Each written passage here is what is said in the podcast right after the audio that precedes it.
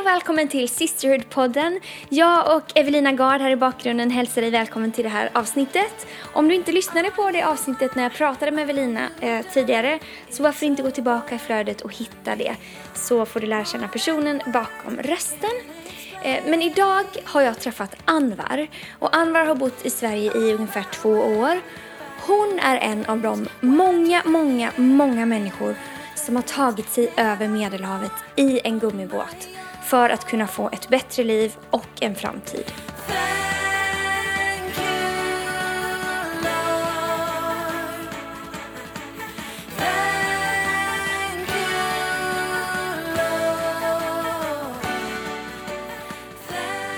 So today I'm here with uh, Anwar Al Kurdi.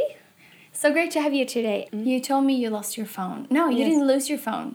I uh, my phone's battery is uh, off and it's not turning on. Terrible. Yes, I experienced to be without a phone for twelve hours for now, and I'm still alive. You're surviving. it's so funny. You found your way here, and Yeah. uh, Asking random people. you can actually do that. You can actually talk to people. Yeah, but sound like you have your phone while you're talking to us. You know. Oh, Yeah. oh, it's funny. So, what do you do? Um, what does your days look like? Do you work or do you study or? Uh, I used to work uh, the last three months, but now uh, there's some problems at work, and I had to quit in February. But there's a course which start it's already started, and I can uh, catch up with it if I wanted. So now I'm fixing, you know, papers to move from work to to school to study. So, what kind of work was that? Uh, it's in a school, and I'm a chef assistant. I help the chef cooking for kids. Oh, cool. And the Yeah. course, what what's that about? It's a cooking course. It will help me to be have more higher uh, points and you know be able to handle the kitchen Yeah. in the future. and get yeah get jobs like it. Do you have you always liked to cook? Yes, since I was twelve. So you helped out in the kitchen when you Yeah. were a child, and Hmm. where did you grow up? Uh, I grew up in Lebanon. I'm originally from Syria. Uh, I moved there when we were in 2003 until 2015. So what did your family look like? Do you have any brothers or sisters? I have uh, three sisters and one little brother. How long was it since you met them? Um, my younger sister, it's two months. Uh, my mom, a month ago. And I have one sister that I st- still don't see her since two years and a half. She's in Sudan. Why is she there? She's uh, waiting for papers to come to Sweden. Oh. But it's a bit complicated, so. So where's your, where are your sisters and? Um, my mom and my sister were there in Sudan with her, but then they got their permission before, so they had to leave to come to Sweden. And now almost my family all over here. My dad and my mom and my sister and sisters and brother. Oh wow! Yeah. So they're all coming. Yes. That's exciting. Yeah. So you're obviously, you're you're you're not from Sweden. We've talked about that, um, and you grew up in Lebanon. Would you say that? Yes. Beirut. And Beirut. What was what was that like? Um, can you tell me a little bit about that? Mm, Beirut was uh, it was okay. Uh, we we moved there because of uh, religion. We we changed to be Christian, and it was more safer. So I grew up going to church and uh, studying there. Um, but it was not uh, good in the last years to stay more to study and continue life. Mm. So, how was your childhood? My childhood was hard, tough, I can say. I'm the second in, in the in the my siblings, Mm. and it's hard to be the second since you know you're not uh, the oldest and you're not small. You're in the middle, and my parents didn't have the um, w- they didn't know how to treat you know with me, and I was hard. You know, I was not easy child. You I had stro- strong will. yeah, I have strong will. I'm strong by myself, and uh, I'm rebel sometimes. so I, you know, I just uh, grew up being strong, and taking my own uh, rights by by myself. Mm. So, how was your relationship with your mom and dad? My relationship with my mom was okay. She she didn't have time for me. You know, we were five kids and my dad was hard, so I there was like no time for me and uh, I couldn't be close to her. With my dad, it was not good at all since the age of 8. I was not living with my dad the first years of my life. We were living in Syria and he was working in Lebanon. So he was coming like to visit once, twice a year. So I didn't grow up knowing him as a dad. Mm. So when when we lived together, I was seven, and as like he doesn't know that us as his children, Mm. he doesn't know me. He doesn't know that I'm like that, and it's hard. And yeah, and I lived in a village where it was like open. We can go and play. We came to a city, and we were like just in in house, no no outdoors, and it was hard for me to be yeah, indoors all the time. So, um, so what happened? You mean you, your dad was hard? What what does that mean? Uh, I since I was like strong will, I used to fight with my sisters or like like as normal kids, but he didn't know how to treat with us and I was the first person to be blamed and to be hit, no matter if it was my right or it was not. It was my fault or, or their the sisters. So I grew up being being beaten all the time if it was my fault or not my fault. So, what did that do with your view on yourself? Like, did you did you feel insecure? I felt a lot insecure and I felt like I can't be successful. I, his words make me down and I start believing what he thinks about me. I was like, you know, you're not gonna be good enough. You're always like, uh, you're losing, and yeah, it was like his words letting me down. Did he ever say "I love you"? No. Maybe he say it just to make you know. Oh, but I love you. I'm a dad, but he doesn't mean it. He never meant it. I never felt it. Mm. Maybe he does love me, but I can't feel it. Mm. So I know I've heard your story um, before, so I know that you came into a place where you you actually didn't want to live. Mm. I I had so many you know hard times with him, and I, as soon as when I grow up more, it's more harder because he doesn't. If he doesn't understand a child, he can understand a teenager, and mm-hmm. it's harder when you're a teenager.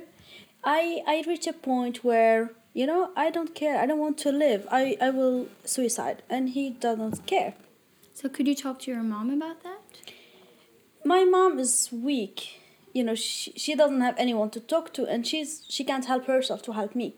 So i always tell them like because you're like that he's treating us my older sister like that. And because my older sister is weak he's treating me also. And the others still. But i want to be strong and stop him one day. So they're like you can't you know. They can't help me and they can't help themselves. Did you have friends? I I didn't have much friends. I was not allowed. Like he was controlling everything. My friends, I can't meet them. Like okay, you can have friends, you know them, but you can't have fun with them and you can't visit them. So I I didn't have much friends. He was like, if if my my friend has a brother, I can't be friends with her because she has a brother, and like all the back, you know, crazy uh, mindset. So when did it happen that your family um, changed from being Muslim to being Christians? Uh, in two thousand three. So so was that while you were growing up and while he was telling you all these things, was he a Christian? Yes. Uh, the first years he was like strong Christian. He he was being you know uh, killed if he will not uh, um, believe in Muslim and doesn't say this thing. But then in the other years it was slowly slowly not Christian. And in the other way, my mom was stronger, and I can say my mom kept us being Christian, going to church and concentrating on God, and uh, God's gonna change, you know, His love and all the other uh, things. Mm. So do you remember when you like got a relationship with Jesus on your own? I I remember since I was like eight, since I I received God as my uh, savior.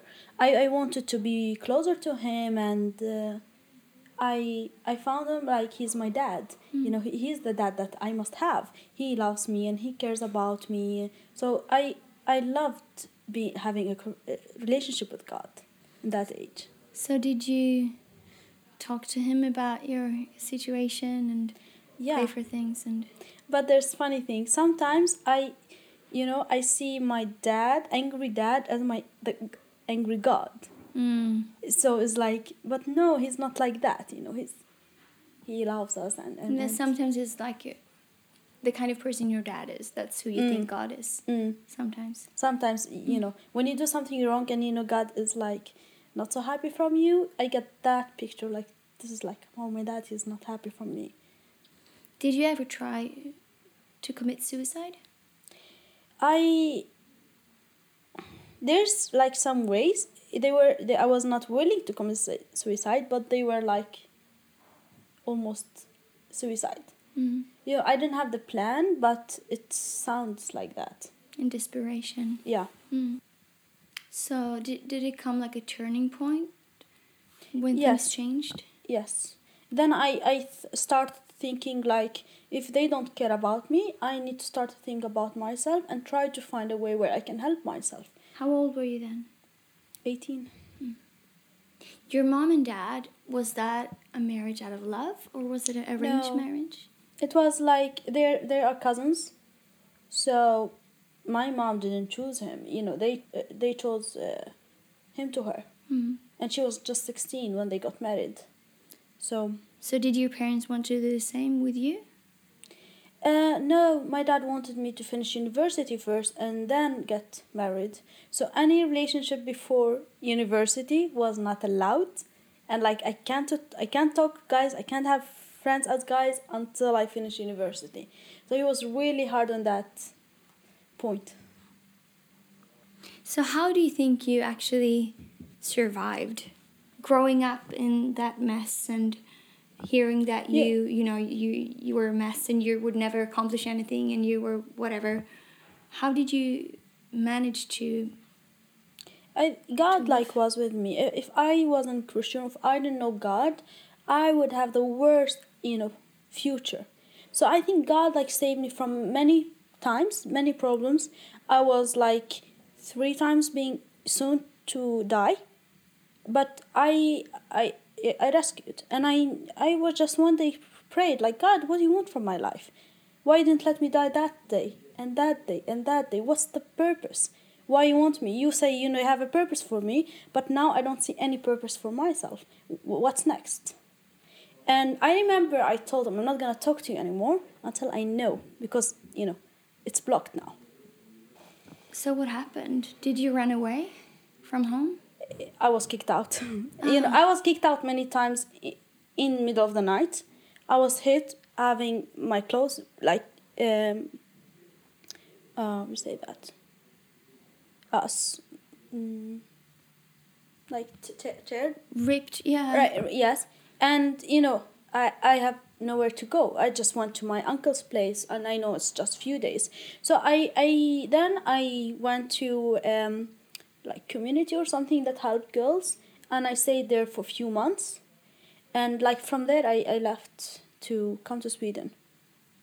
So how did that happen? Did you think like you wake up one day and, and thought i'm gonna go to sweden uh, no, but in in um, in 2015, I one day I was like fighting with my dad, and I told him I'm going to go to Sweden one day in summer, and I'm gonna send you a photo with my sister who's here already, and send it to you. I have no clue how did I feel that and how it's gonna happen, but I ch- I challenged him, and then a few months later I.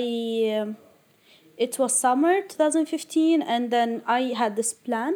So i was like saving money and thinking wondering there's gonna be hap- i need this. So i want to be prepared. But then my uncle called me in in summer and told me i want to go on this way if you want to follow with me and i had two days to to uh, to decide to decide Mm. it was really big hard decision It's like okay, you know, what shall I do now? This is it. This is it. But I don't know how to swim. There's just I don't know anything. How you know?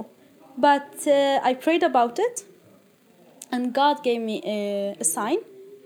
And like after like time, I knew it was like from God, and you know you can see the whole story. Uh, I was working in in a store, and there were, came a Greek uh, man, and I was talking to him English, and then I told him like like that. Uh, I want to go to uh, Europe through Greece. What do you think? And he told me, Anwar, if you want to go, go on the 28th of August because the uh, the weather is nice. The waves are, you know, the the waves are really good. So just go on that day.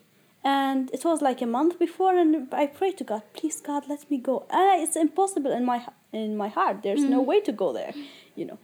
And then in uh, in the first of August, I was to- co- talking to my dad, uh, my uncle, and then on the twenty eighth, I was on the boat crossing. Wow.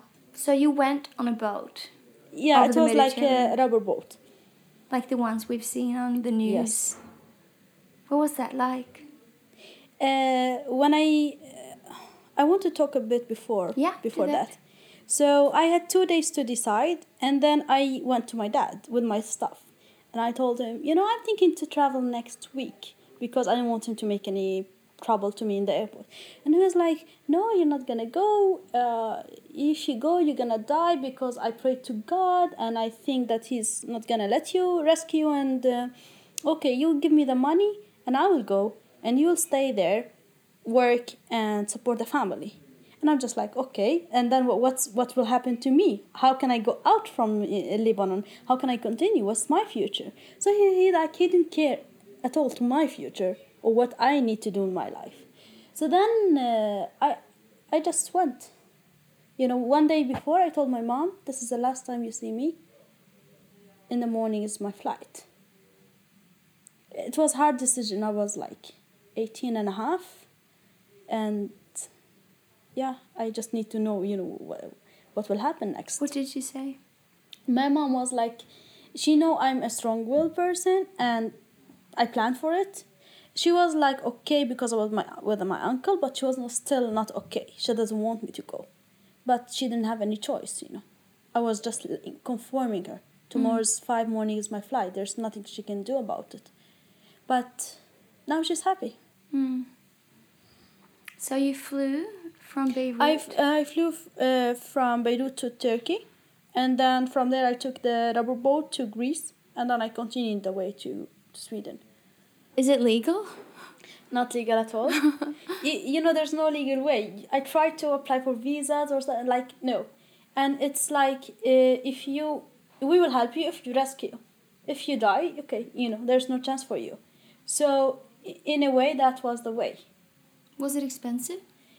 Yes, for me as a child, I can say a teenager, uh, it costed the flight cost me five hundred dollars, and the rubber boat costed me uh, one thousand three hundred dollars to pass on it. While in you know like ninety percent you're gonna die. You pay this money, and it's ninety percent you're gonna die. Yeah. It's like you're paying for your death. Yes, and you know you you can't you can't pass if you don't pay this money but you know it's like 99% you're gonna die it's a very small and you know if it's um, logical it's six people must be there we were 36 so it's like and there was like a hole inside it they just like put a scotch tape and scotch tape with water you know it's like five six meters uh, deep. It doesn't go. So it was crazy. So did any of the like the people who took your money, who you paid for, the, did they go on the boat?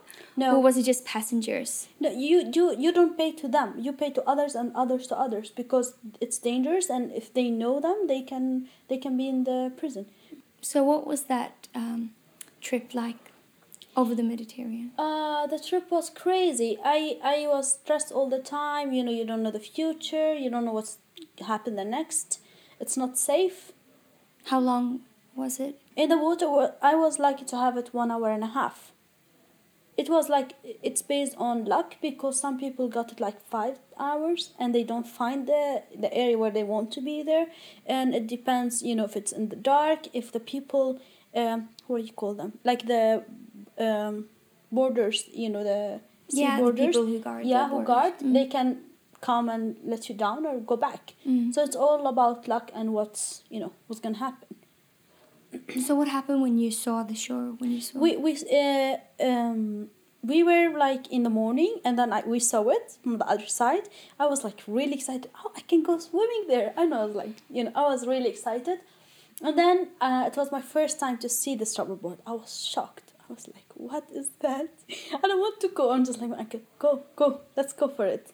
And then i i actually uh, were need to uh, choose because we were not family and we were not like uh, you know men. So we were like separated.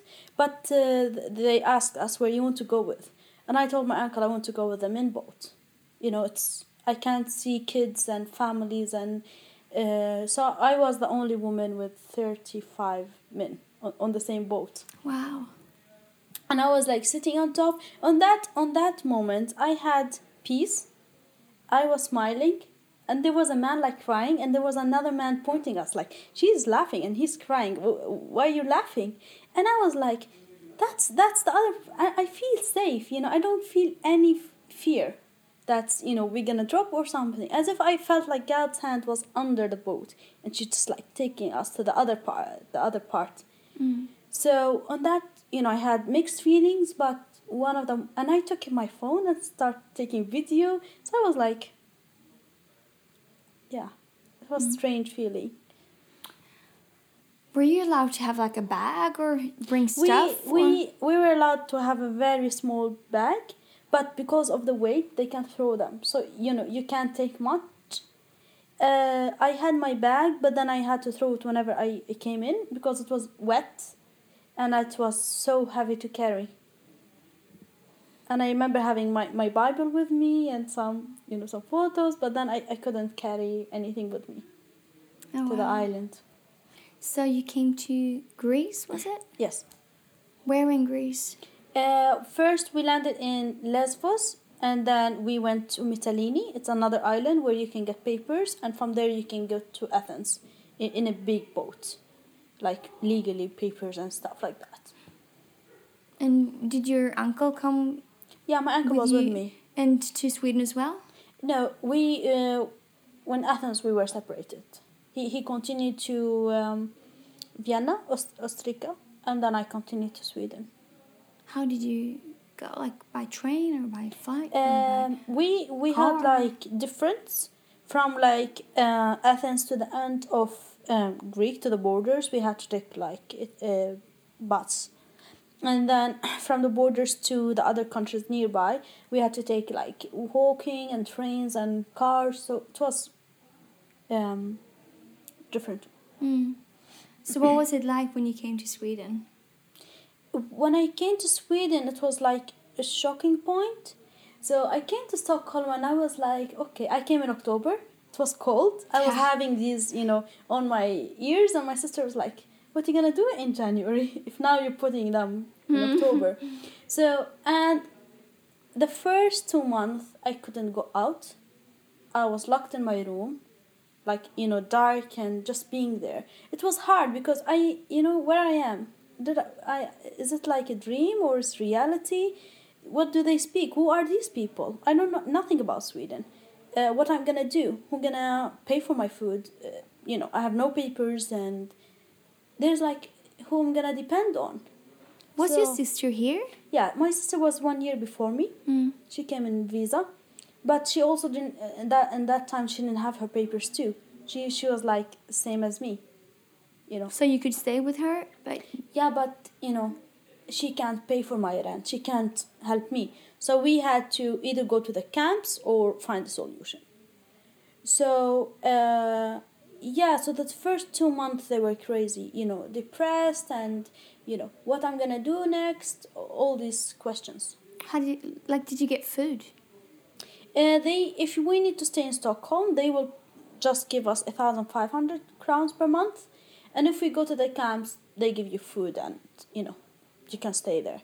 But uh, we we we decided to stay in Stockholm because they said it's faster and she has friends and uh, some Christian friends. So so then after uh, that, a family, friend's family of her, uh, accept, you know, they decided that we can stay at their place until we get our papers. So that was like a lot better. Was that different compared to your family at home? Yes. It was so different. It was like they had kids and you know they they know how to treat them. Uh, there were no beating and they you know you can see love in the family. You can see like uh, happiness. I don't know. You, you know you can feel safe. I was like being safe there, uh, insecure to myself. You know. Hmm. So what have you what have you learned? Maybe it's a lot, but what have you Mm. learned, you know, going through all this? What have you learned about God? Uh, I learned a lot about God when I came to Sweden. I, I remembered like all the verses in the Bible that says God's gonna with God is with us. He will never leave us. He has you know he has the good future for us. So I was like looking on the past. I'm looking about the future. Okay, there's there's something nice coming. You know he's he's right with everything he said. All the promises that he gave us, I was like reminding myself and telling God, yes, yes, you know. Mm. So So what have you learned about yourself? i mean, you grew up hearing that you were nothing and you you would never accomplish anything and you were stupid maybe. Have you how do you look at yourself now? Now it's so different. Like i i can see i'm i can be successful. I did something in my life. I'm i learned a lot and i can prove that. Like it's proven to my dad and i wanted to reach that point. Like you know that girl where you were you know keeping her down? She can be something and she is something that is good you know? So i was happy to prove that to him Mm. and to myself So obviously eventually you got papers because now you're Yes. working and studying and all that. and I, I was like dreaming and i got many things. You know i my friend's wedding was in june and i was telling the family i want my papers in june. And they were like okay you need to make it low low dreams. But then i got my papers in june you know in may i did my interview which was like the time was really great. Eight months is nothing according to my sisters. One year and a half. Other people two years to get their interview. So mine was like eight months and after a month i got my papers. I got a travel document. It was like you know open doors for me. And since then i could work go to SFI finish my swedish uh, have a job now. So you know. How long have you lived here? In two years Two two years two years. Does it feel like home? Not yet. Not yet. Like I like it, it's safe and nice, but I still like Lebanon and you know, you have friends and homes and I I, we- I miss that. Hmm. If you could give an advice to yourself 10 years ago, how old were you 10 years ago? I'm 22, 11. Hmm. What would you say to yourself? 11. You know, just believe in yourself and believe like God has created you for a purpose. No matter what other people will say, trust God. There is a purpose for everyone who is living on this earth. And you know, don't let anyone, you know, cut you down or just let you feel down. What do you dream about now? What are you looking forward to? I'm looking forward to uh, finish my studies that I really wanted to do years ago, and my big dream to have my own restaurant in the future. That's so cool. I'll come Yeah. and eat. What kind of food will it be? Uh, Arabic food. Oh, I love that. I, I'm thinking more in an idea that's not many people thought about it, so yeah, I'm looking forward. Yeah, me too. So it's not mm. like just Lebanese or just, it will be international or Middle East food where you can taste different, you know, different dishes. That sounds great. Thank you so much Thanks. for being on the Sister Pod.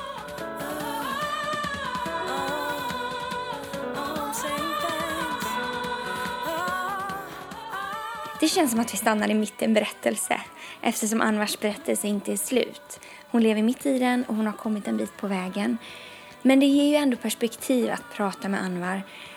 Perspektiv över vad vi har att vara tacksamma för. Saker som man kanske tar för givet. Och oavsett bakgrund eller egenskaper så vill Gud oss gott. Han vill det bästa för oss och han vill leda oss dit. Och han säger i Bibeln i Jeremia kapitel 29, vers 11. Jag vet vilka planer jag har för er, säger Herren.